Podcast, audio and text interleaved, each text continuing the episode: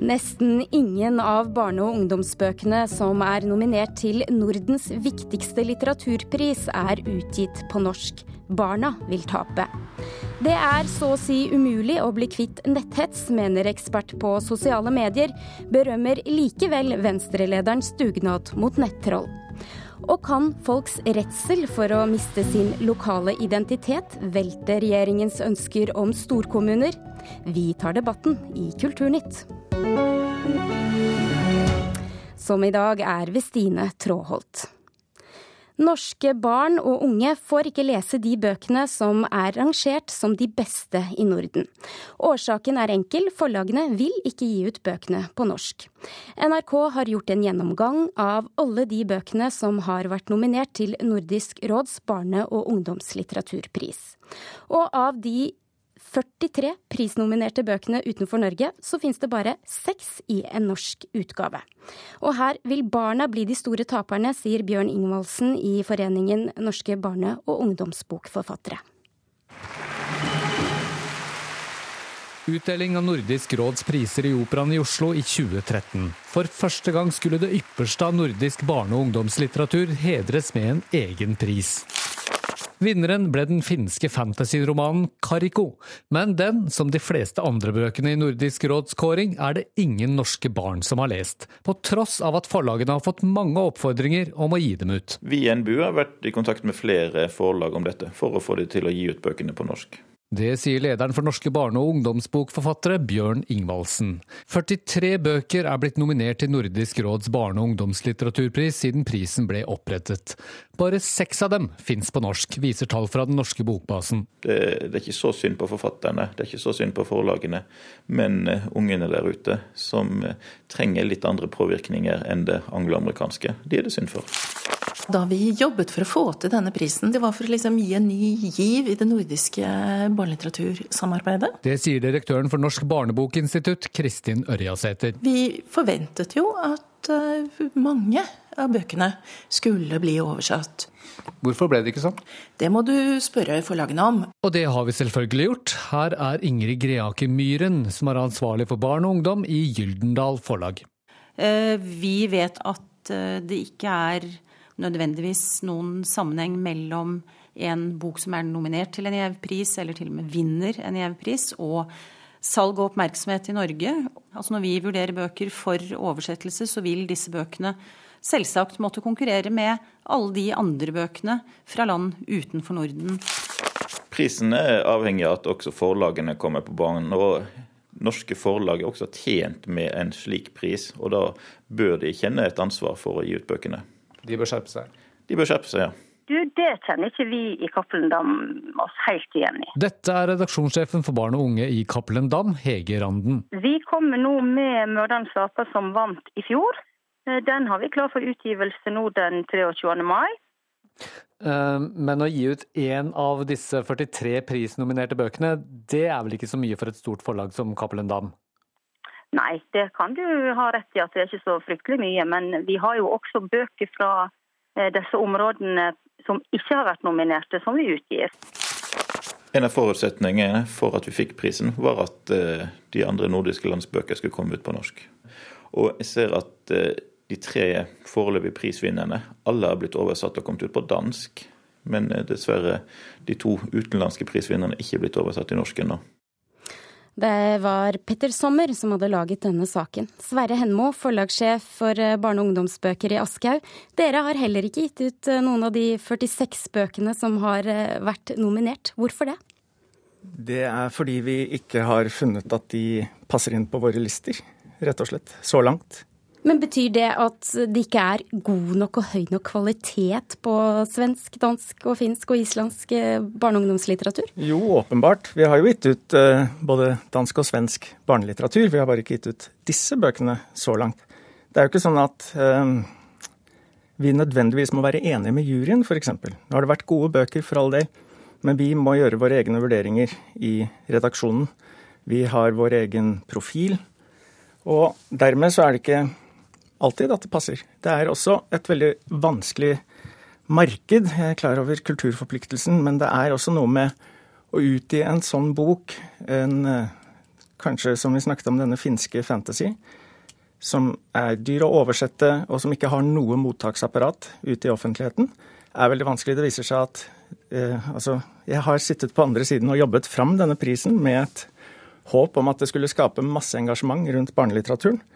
Det har vist seg veldig vanskelig. Hvorfor det? Eh, ja, hvorfor får ikke kan jo snu spørsmålet, altså hvorfor får ikke barnelitteraturen større oppmerksomhet i media? Hvorfor er det ikke mer anmeldelser? Altså, se på de nominerte til Voksenlitteraturprisen. får dobbeltside oppslag i avisene med omtaler alle bøkene.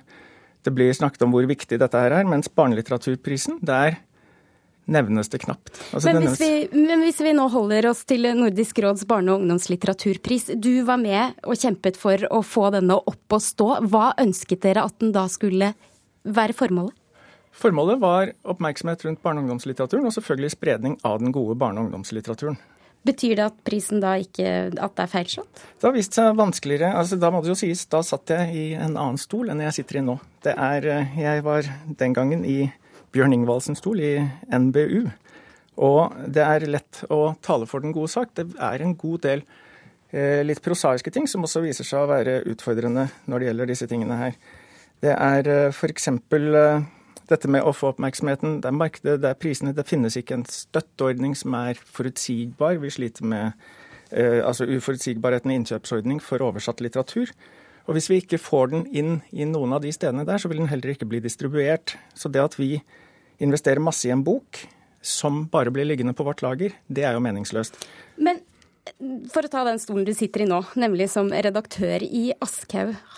Du var inne på det selv. Dere har et ansvar, dere har en kulturforpliktelse til også å gi ut nordiske bøker eh, på norsk for barn og ungdom? Vi har en forpliktelse om å gi ut god litteratur for barn og ungdom. Og det gjør vi. Det gjør vi så til de grader. Vi gir ut eh, veldig mye veldig god litteratur for barn og ungdom. Vi gir ut også svensk og dansk. Eh, vi har så langt ikke gitt ut finsk eller islandsk eller grønlandsk. Men vi leser med spenning og interesse. Nå skal det sies eh, at oversatte billedbøker kan være spesielt vanskelig, og det har vært veldig mange nominerte billedbøker. Se f.eks. på nominasjonen i år.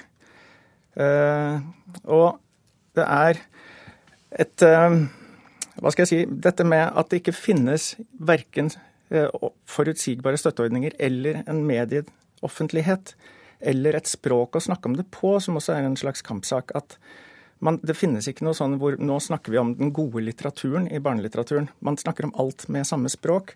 Og dermed så drukner det litt. Dette er en kjempeutfordring. Men det betyr ikke at vi har bestemt oss for aldri å gi ut dette. Vi leser med okay. spenning hvert år, og håper jo selvfølgelig å finne gull da som passer oss. Da får jeg bare takke deg for at du kom til studio, Sverre Henmo, som er altså forlagssjef for barne- og ungdomsbøker i Aschehoug.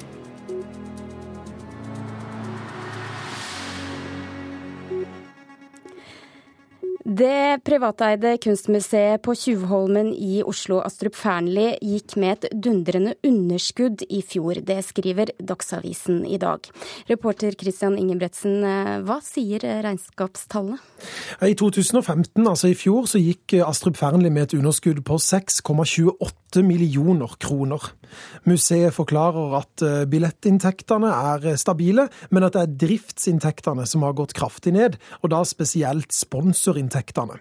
Pila har i grunnen pekt nedover for museet rent økonomisk, helt siden de flytta inn i nye lokaler på Tjuvholmen i 2012. Og Hva slags løsning ser eh, museet selv nå? Ja, de søker i hvert fall nå om tre ganger så mye penger fra staten som de har gjort tidligere. Tre millioner kroner ber museet om for 2017. Og fra et museum til et annet. Ledelsen ved Nasjonalmuseet får kritikk av sine svenske kolleger i Aftenposten i dag. Ja, det er direktøren for det svenske Nasjonalmuseet som uttaler seg i Aftenposten i dag. Han kritiserer det som NRK tidligere har omtalt, nemlig at det norske Nasjonalmuseet har stengt muligheten for utlån av alle kunstverk til andre museer frem til åpning av nytt museum i 2020. Og det er det mange som har reagert på tidligere her i Kulturnytt, både i kunst Kunst-Norge og i det politiske Norge. Eh, FrPs eh, Ib Thomsen sa annet dette. Jeg mener at dette er en kulturell skandale. Og Nå kaster da også den svenske direktøren seg på, og mener dette er en altfor lang periode med utlånsstopp. Han mener at museet bør sende Munch-samlingen sin verden rundt.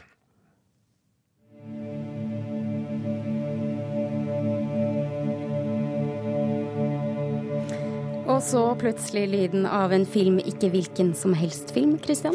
Nei, for skal du se denne filmen du hører her, så som har premiere i 2020, så bør du ha ekstremt god tid. Og da mener jeg ikke sånn Ringenes herre-aktig god tid, for denne filmen ved navnet Ambient skal bli 720 timer lang. Det tilsvarer 30 døgn. Det er en svenske som heter Anders Weberg, som jobber med dette filmprosjektet, forteller Dagbladet. Og du lurer kanskje på om dette er verdens lengste film? Ja. Nei da, for i 2008 så lagde noen andre svensker en film som er 857 timer lang, og handler om et fabrikkbesøk i Kina. Hvis netthetsen fortsetter, så kan det gå utover demokratiet og den politiske debatten. Det frykter Venstre-leder Trine Skei Grande. Og nå inviterer hun til dugnad i et forsøk på å få bukt med problemet. Men så lett er det nok ikke. For å sette total stopper for en hets, det er nesten umulig, sier eh, sosiale medier-ekspert. Men partilederen i Venstre mener at vi må prøve likevel tror ikke at det blir slutt på det, men jeg tror at det er noen som faktisk står opp imot det. Eh, det er forskjell på det å argumentere kontra det å komme med karakteristikker. Jeg syns ikke noen av disse uttrykkene bør forbys, men de bør påpekes. Det var i VG i går Trine Skei Grande inviterte til dugnad. Innen mandag klokken tolv håper hun alle kan bli med på at vi slutter å sjikanere meningsmotstandere i sosiale medier, og heller argumenterer ordentlig. Hun viser til at en lignende aksjon ble satt i gang etter terroren 22.07.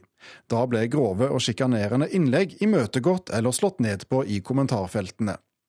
Netthetsen må dessuten ta slutt, også fordi den avler mobbing. Det er vanskelig for en far å, å, formane ved middagsbordet at du skal snakke fint til dem som du går på skolen sammen med, hvis han åpner mobiltelefonen sin og skriver masse drit i kommentarfeltet samtidig. Eh, det går ikke an for oss voksne å ha doble standarder. Og ungene speiler ofte det voksne gjør. Og jeg tror jo at Eh, voksne som opptrer sånn i det offentlige rom som nettet er, eh, er også veldig dårlige forbilder for mange unger. Nettroll finnes overalt, sier Cecilie Staude, ekspert i sosiale medier ved Handelshøyskolen BI. Hun ønsker initiativet fra Venstre-lederen velkommen, men tror det vil endre lite. Den type atferd er det vanskelig å få bukt med. Vi må bare lære oss å håndtere det Eh, på best mulige måter. Men å bli kvitt det, det tror jeg er vanskelig. Det er et omfattende arbeid som må til skal man greie å demme opp mot all sjikanen på nett, ifølge Staude. Eh, det handler om holdningsendring, eh, bevisstgjøringen rundt disse tingene må inn i skolen. Men alle mulige forsøk på å prøve å gjøre noe på kort sikt, syns jeg også er prisverdig. Hva mister vi i samfunnet hvis netthetsen fortsetter? Det vi mister, er vel selve dannelsen i et samfunn. Vi mister evnen til å drive gode politiske debatter. Det som jeg er bekymra for, er at jeg er partileder. Jeg er 46 år. Jeg tåler det. Men jeg tenker på hvis jeg hadde vært 15 og engasjert meg i politikk og opplevd dette her, så hadde jeg jo ikke gidda lenger. Og jeg vil jo ikke at vi skal ha et demokrati med bare politikere som skal tåle alt. Nei, jeg vil ha politikere som også blir lei seg når de opplever sånne ting. Det tror jeg er bra for demokratiet, og det tror jeg er bra for samfunnet. Reporter Thomas Olverstein Ove. Her i Kulturnytt så er klokken 17 minutter over åtte, og i Nyhetsmorgen så er dette hovedsakene denne morgenen. En kraftig eksplosjon har rystet sentrum av Kabul, det melder flere medier. Nyhetsbyrået Reuters rapporterer om sirener som kan høres fra området rundt USAs ambassade i byen. Politiet måtte klare seg med penn og papir i timevis etter full datakrasj i går kveld og i natt. Og Kripos skal bistå politiet i Bergen i saken der en mann i 30-årene er siktet for voldtekt av en fire år gammel gutt i en barnehage. Ifølge TV 2 skal mannen ha tilstått flere overgrep. Her i Kulturnytt så skal vi over til eh, identitet og folks sterke følelser for stedet de bor i. For det kan være med å velte planer om en kommunesammenslåing. Det mener forsker ved Bygdeforskning Svein Frisvold, og det sa han til Kulturnytt i går. I løpet av dette året skal alle norske kommuner stemme for eller mot kommunesammenslåing, og særlig nå i april og mai så er det mange folkeavstemninger rundt om i landet. Vi er Sandnesgauga og ikke Stavanger. Nei, i Sandnes er det ikke noe særlig stemning for planene om å slå seg sammen med Sola og Stavanger, hørte vi i Kulturnytt i går. Nei takk. Sandnes, hvor i helsike er Sandnes? Jeg tror bare det handler om identitet. Jeg. Det harseleres over Sandnes i revyvisa fra Stavanger, men folk i hele landet kan kjenne seg igjen. For nettopp slike felles kulturarenaer som revyscener, kor og korps spleiser folk sammen og bygger opp under folks kulturelle identitet identitet, sier forsker Svein Frisvold. Samhandling eller fellesarena. Her kommer jo da f.eks. kulturtilbud som skole og, og idrett eh, og, og, og, felles eh, kulturskoletilbud f.eks. Dette kan være en dimensjon som lett overses av politikere og rådmenn som forhandler med nabokommuner. Dem lever allerede i en mer interkommunal hverdag. Nå skal vi bli ordentlig rendøler, Sier kommunepolitiker i Rendalen, Arne Hagetrø. Han bor i en kommune som ble tvangssammenslått i 1965. Først i 2014 klarte den sammenslåtte kommunen å lage en felles arena for 17. mai-feiringa. Kanskje ikke helt frivillig. Nei, det måtte vel egentlig et uh vedtak i et formannskap til for før det det ble gjort første gangen. Etter 50 års samliv er den på vei mot en felles kulturell identitet, og takker nei til nytt ekteskap. Vi har det best som vi har det nå. Språk kan òg være en kulturell identitet som kan velte planer om sammenslåing, som i Kåfjord, der de frykter for framtida til den samiske identiteten. Ja, det tror jeg absolutt at Kåfjord For at det er en såpass viktig sak for Kåfjord. Ifølge Kommunal Rapport så har elleve kommuner nå søkt om sammenslåing. 60 kommuner har bestemt at de vil fortsette som egen kommune.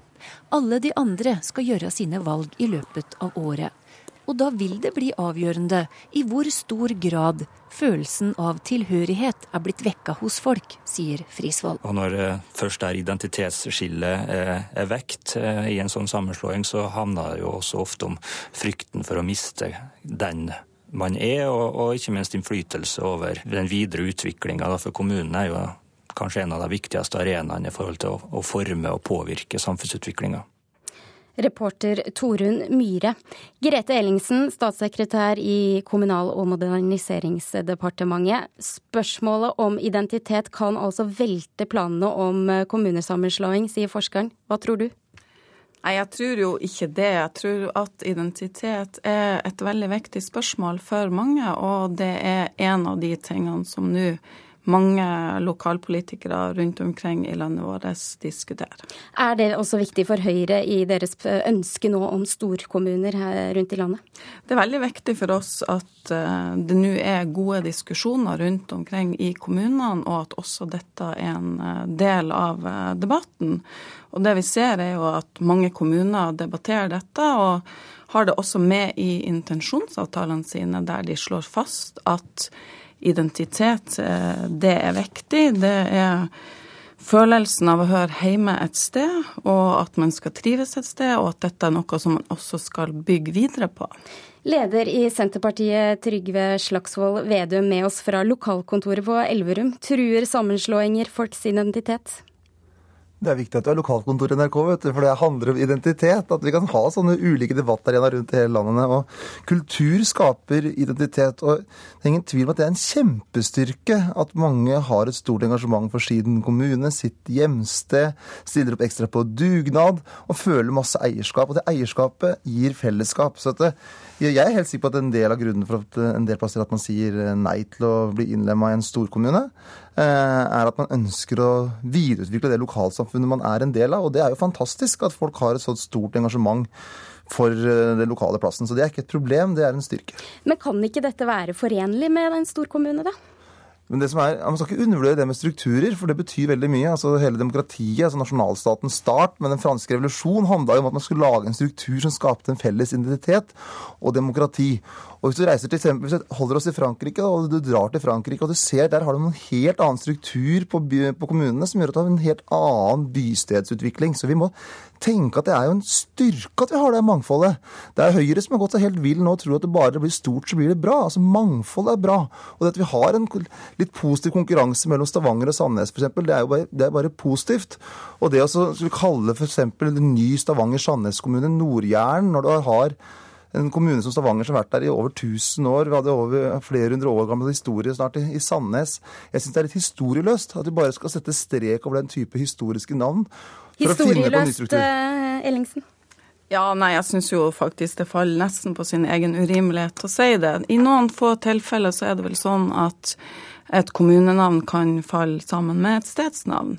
Men i veldig mange tilfeller så er det også sånn at det finnes et, eh, mange steder i en kommune, og at folk sin tilhørighet nettopp er knytta til disse stedene.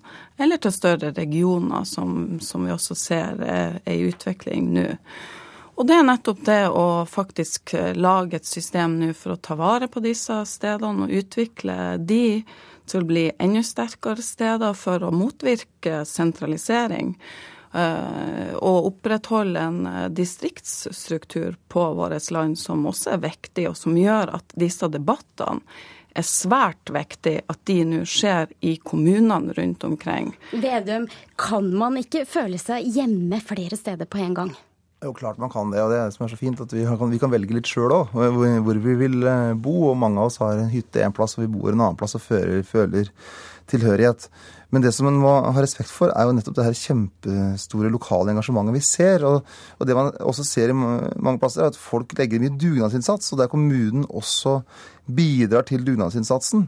Og det er, det er en sånn styrke som jeg syns blir altfor lite verdsatt i norsk offentlighet nå. Altså det her samspillet mellom kommuner og og det her privat, og, og frivillig sektor.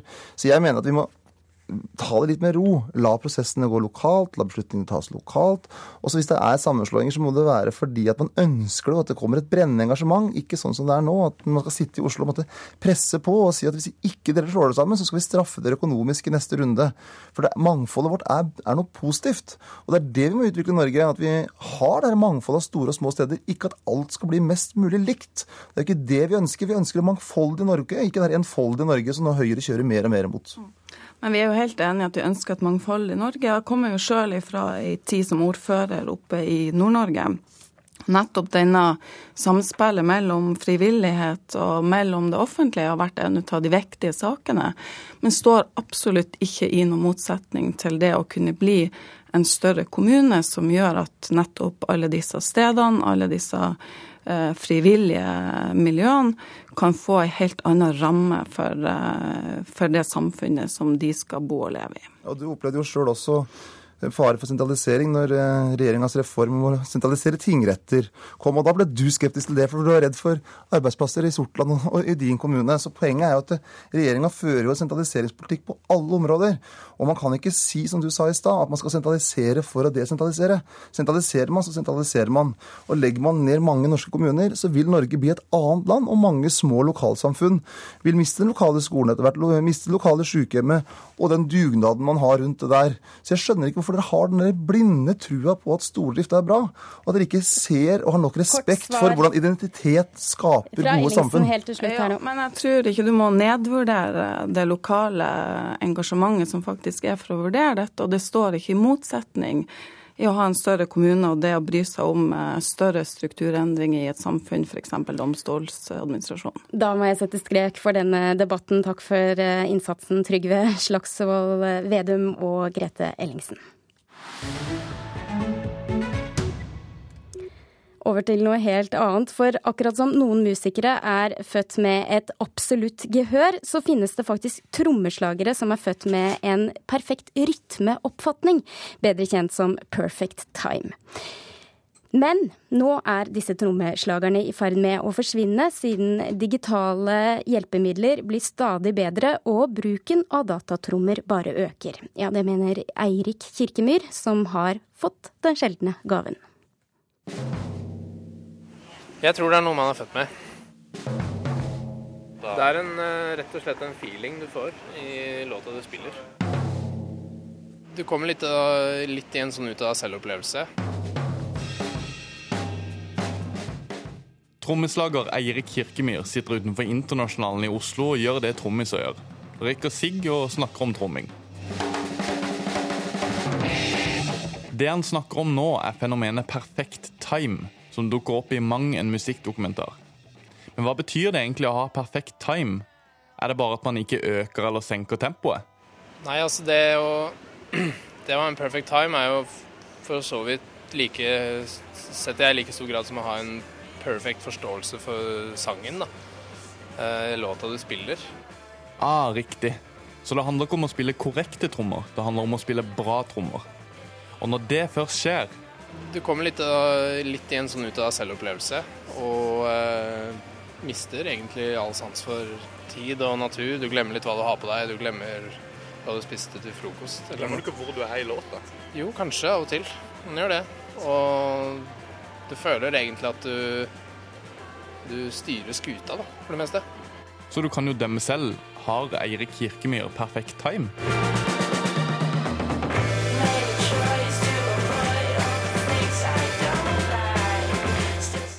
Ja, dette var jo veldig fint, men jeg klarer ikke å høre om det er perfekt. Men det gjør denne mannen. Jeg har spilt tromme i uh, 42 år, kanskje 44 hvis jeg tenker meg om. Og så har jeg undervist uh, i trommesett, slagverk her på NTNU Institutt for musikk siden tidlig 80-tallet. Ernst-Viggo Sandbakk på NTNU i Trondheim har som jobb å lære bort perfekt time. En av de viktigste tingene han lærer bort, er at ingenting skal høres perfekt ut. Så eh, jeg mener det er naturlig å øke eller sakke. Og, og man skal, jeg mener det er en del av det å spille. Man er levende mennesker. I den Oscar-nominerte filmen Whiplash, der J.K. Simmons spiller den gale trommelæreren på prestisjeskolen Shafer, får vi se jazztrommeslagere som ofrer liv og lemmer for perfekt time. Men det får vi se mindre av i fremtiden, mener dråpetrommis Eirik Kirkemyr.